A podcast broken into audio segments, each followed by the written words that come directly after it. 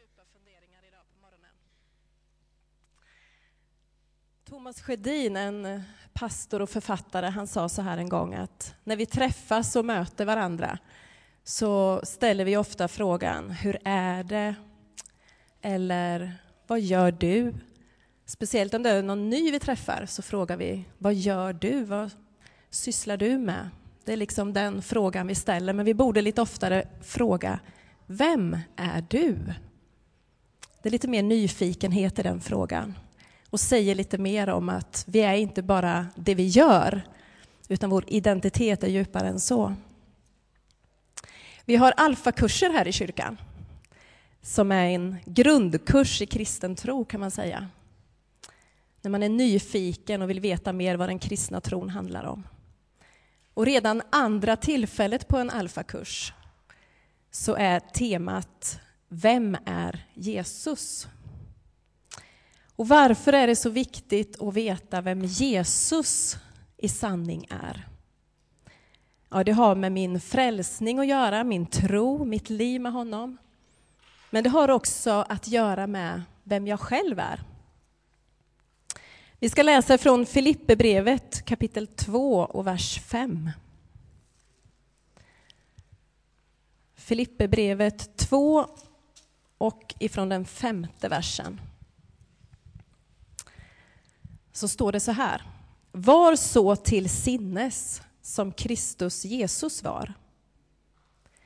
Fastän han var till i Guds gestalt räknade han inte tillvaron som Gud såsom segerbyte utan utgav sig själv genom att anta en tjänares gestalt då han blev människa. Han som till det yttre var som en människa ödmjukade sig och blev lydig ända till döden, döden på korset. Därför har också Gud upphöjt honom över allting och gett honom namnet över alla namn. Det stod i den femte versen att vi ska vara så till sinnes som Kristus Jesus var. Och det står att fast han var till i Guds gestalt så räknade han inte tillvaron som Gud såsom segerbyte. Och det betyder att han tog inte det här att han är Gud och liksom hade det som någonting han skulle visa upp för människor, betyder det när det står som segerbyte. Utan det står att han blev människa. Jesus han är sann Gud till hundra procent. Men han är också sann människa till hundra procent. Var han när han levde här på jorden.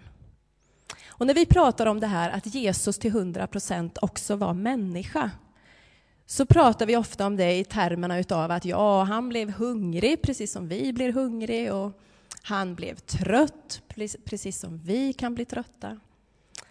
Men det ligger väldigt mycket mer i det här att Jesus också är sann människa.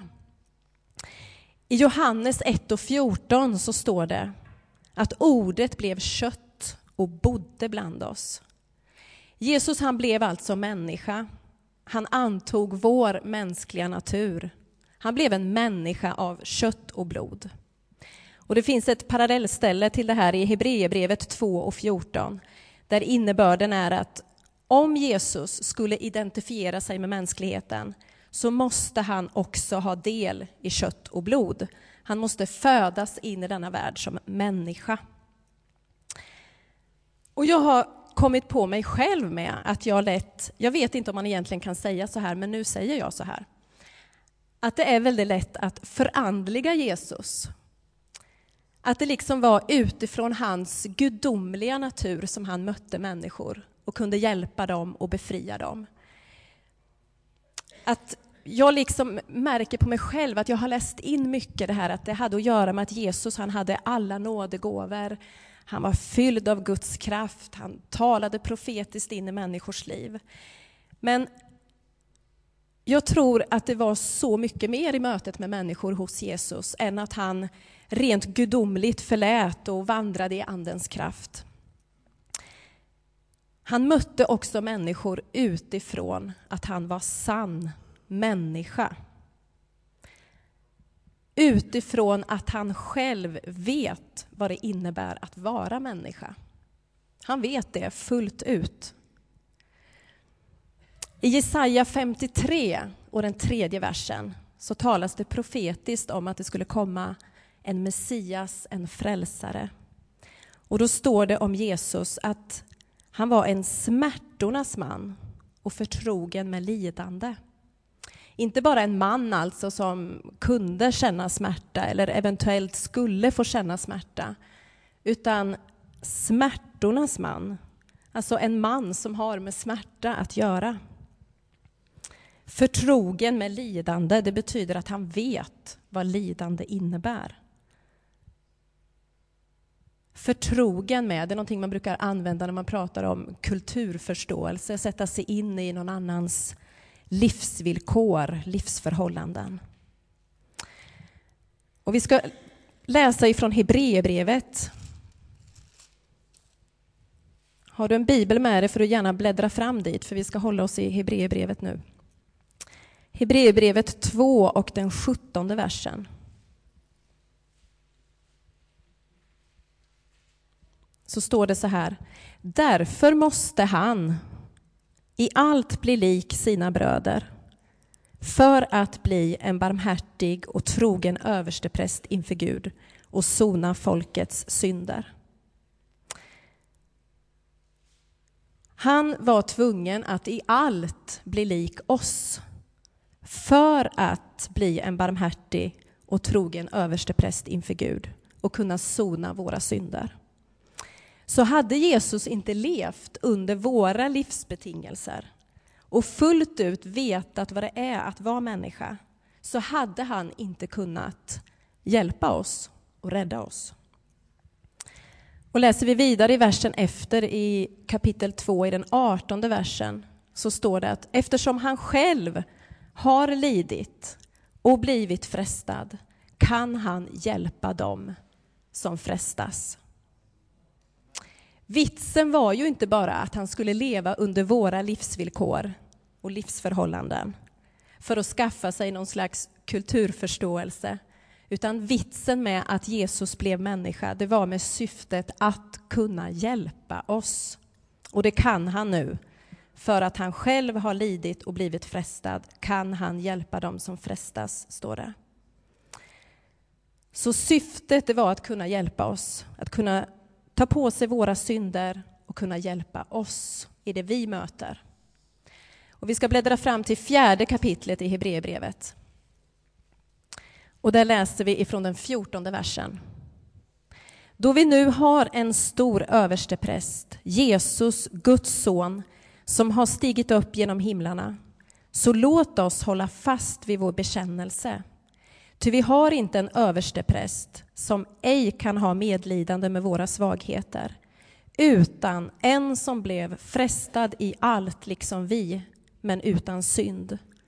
Låt oss därför frimodigt gå fram till nådens tron för att få barmhärtighet och finna nåd till hjälp i rätt tid. Det var alltså för att Jesus levde som sann människa under våra villkor och livsförhållanden. Att han blev lik oss, att han själv har lidit, själv blivit frestad, men var utan synd, som han nu kan hjälpa oss. Det står att han var frestad i allt, liksom vi. Och då är frågan, finns det då något som jag och du möter i våra liv som inte Jesus mötte? När det står att han var frestad i allt. Finns det då någonting som inte Jesus var frestad till? Finns det då någonting som inte han konfronterades med? Och det är utifrån det, att Jesus också var sann människa, frestad i allt, förtrogen med lidande, som han är barmhärtig, som han känner med och lider med oss det är sant medlidande. Att han inte gör det uppifrån eller utifrån i attityd gentemot oss, utan inifrån. Han är bredvid, han kliver in i din och min livssituation. Det är att vara en sann medmänniska.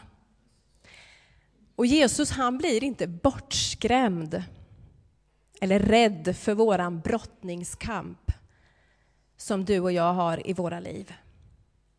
Han eh, flyr inte bort, utan han är närvarande.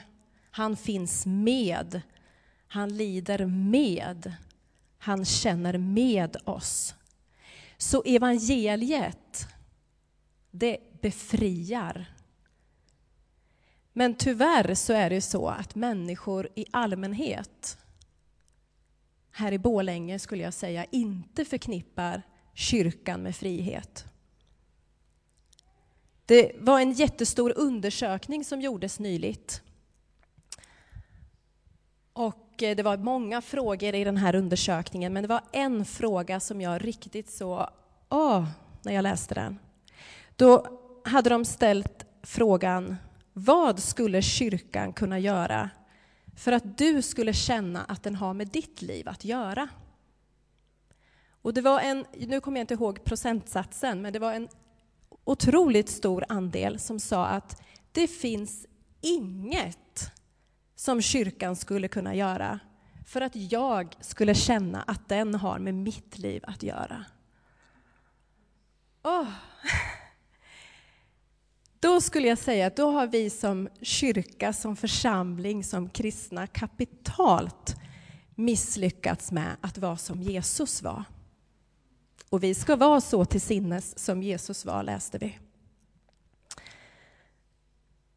Då tror inte jag, när människor säger så i en stor undersökning, då tror inte jag att vi har lyckats att leva som sanna människor. Om inte människor känner att det finns någon beröringspunkt mellan oss som människor. Eller hur? Då tror jag att vi har svävat iväg i vår andlighet på något sätt och lever våra kristna liv liksom ovanifrån och utifrån i mötet med människor. Och då är det lätt att man dömer människor som inte är som vi. Och jag har tänkt på den här berättelsen om när Jesus möter kvinnan som skulle stenas till döds för den synd som hon hade begått.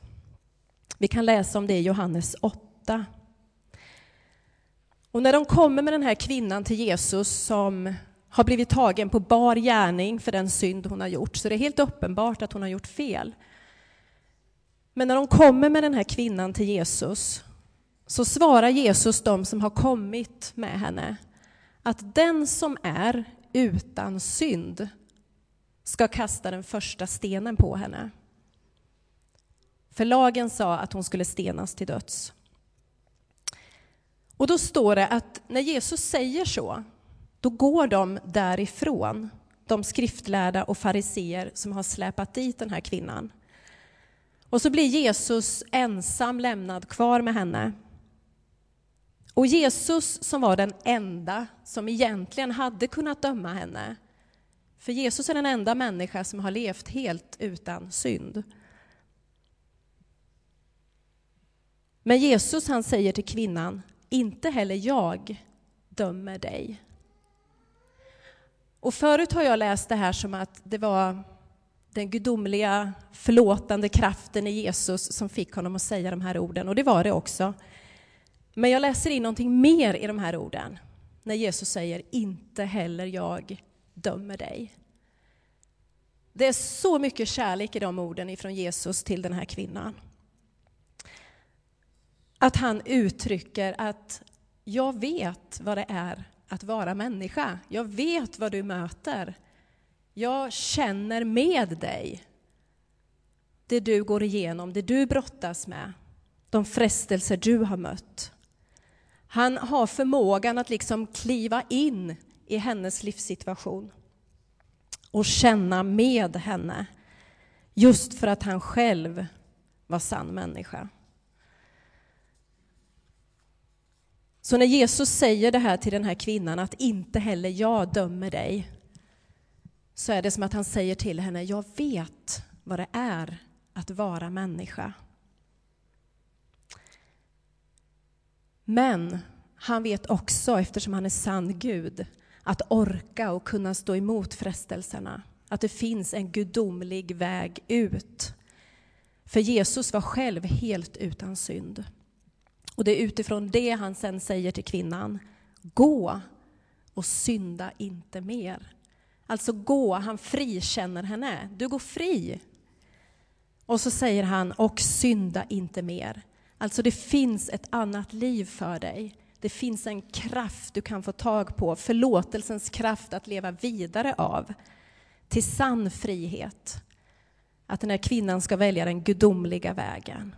Och det var det vi läste i Hebreerbrevet 4 och 16, när det står att vi ska frimodigt gå fram till nådens tron för att få barmhärtighet och finna nåd. Det var de här orden Jesus sa att gå. Han frikänner henne. Men vi ska göra det för att få hjälp till att inte synda mer.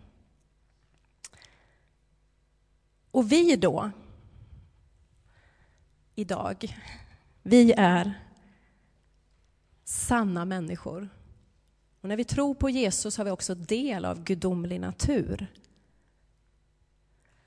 Vi har Jesu förlåtelse och nåd över våra liv. Och vi har hans kraft som hjälper oss att välja Guds väg. Så att vi kan få leva våra liv i Guds vilja, i hans seger. Jesus han var med den här kvinnan, han var inte mot henne. Och det som är tragiskt är att väldigt många människor som inte vet mycket om vad det är att vara kristen och som inte vet så mycket om kyrkan förknippar ofta oss kristna med att vi är väldigt mycket mot. Och återigen så måste det ha att göra med att vi har misslyckats att leva som sanna människor mitt bland alla människor. Och visa att vi är med, att vi finns med människor till hjälp. Och jag skulle säga att förstår jag som kristen inte riktigt den här delen av Jesus, om man kan, så kan man inte säga, men att han hundra procent var människa, så är det väldigt, väldigt svårt att ta till sig hur närvarande Jesus är i våra liv.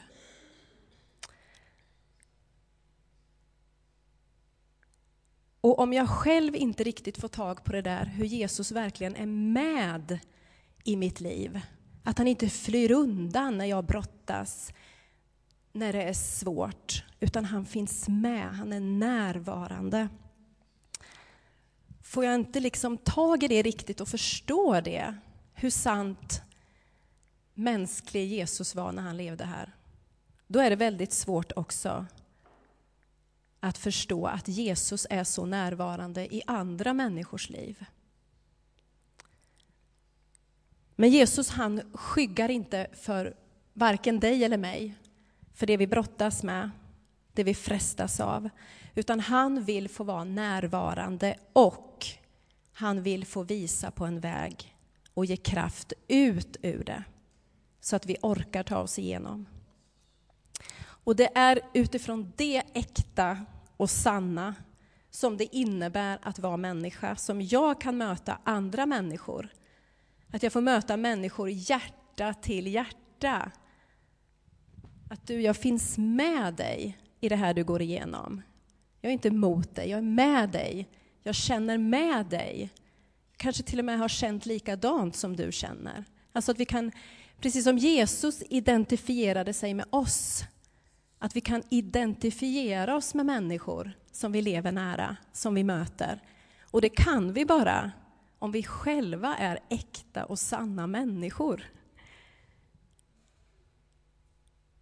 Och jag vet inte varför vi så lätt hamnar i en dömande attityd till människor, när Jesus inte gjorde så.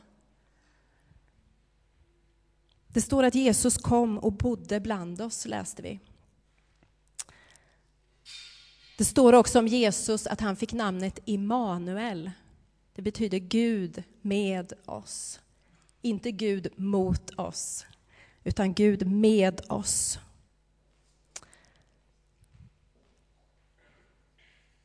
Det är en otrolig befrielse i att få tag i att Jesus var sann människa.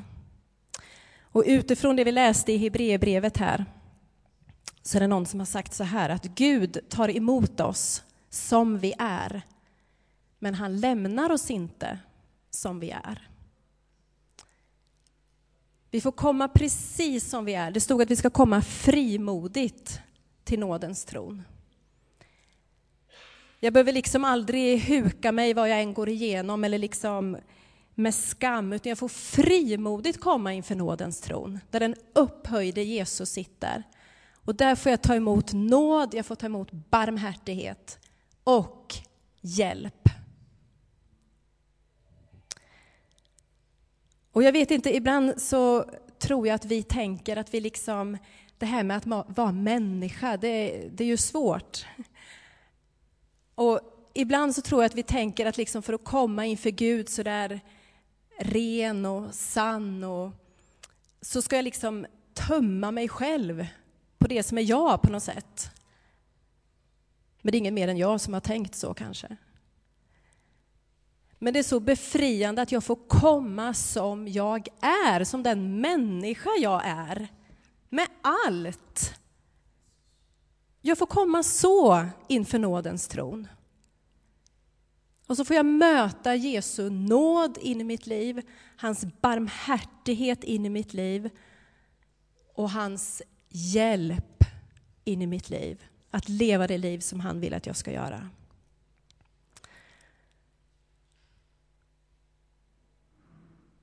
Jesus han är med dig i det som du går igenom. Han är inte emot dig.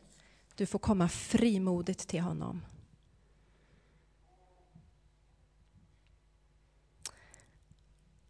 Och vi ska inte som kristna liksom hamna i att vi ska bli några andliga övermänniskor på något sätt. Att liksom det här andliga ska ta över på något sätt. Då har vi en fel bild av vad det andliga är för någonting. Sann andlighet, det är att du fullt ut verkligen blir den människa som Gud har skapat dig till. Det är att du kan bli en sann människa som lever sant i mötet med andra människor. Och jag tror att Jesus själv, den heliga Ande, behöver röra vid oss så att vi kan vara de sanna människor som vi ska vara. För annars kan inte vi hjälpa andra människor. Amen. Ja, Jesus, jag vill tacka dig för den som du är, fullt ut. Och Jesus, jag ber att du uppenbarar verkligen för oss i våra hjärtan, i våra sinnen, vem du är. Och Jesus, hjälp oss att verkligen ta emot dig och ta in dig som du är fullt ut. Att inte vi gör om dig på något sätt, utan att som du är vill vi ta emot dig och öppna våra hjärtan och våra liv för dig. Och jag tackar dig Jesus för att du själv, du vet precis vad det är att vara människa. Du vet det fullt ut. Och jag tackar dig att du finns med i våra liv, Jesus. Du är med i det som vi går igenom. Och jag tackar dig för att du också vill ge oss kraft och hjälp och lösningar. Och jag tackar dig för att du har den väg som vi behöver gå, Jesus. Men jag tackar dig för att du är med och jag tackar dig för din närvaro, Jesus, i varenda människas liv. Du kommer alltid att vara så mycket mer närvarande i våra liv och i andra människors liv än vad vi någonsin kommer kunna förstå. Och jag bara tackar dig för den nåden, Jesus. För din närvaro, för din kärlek, för din nåd och din barmhärtighet, Jesus. Och jag tackar dig för det liv som vi får leva med dig, som är en kraft till att leva de liv som du har för oss. Så bara hjälp oss Jesus att vara sanna människor som du har skapat oss till. Att vi får vara så till sinnes som du Jesus var. I Jesu namn. Amen.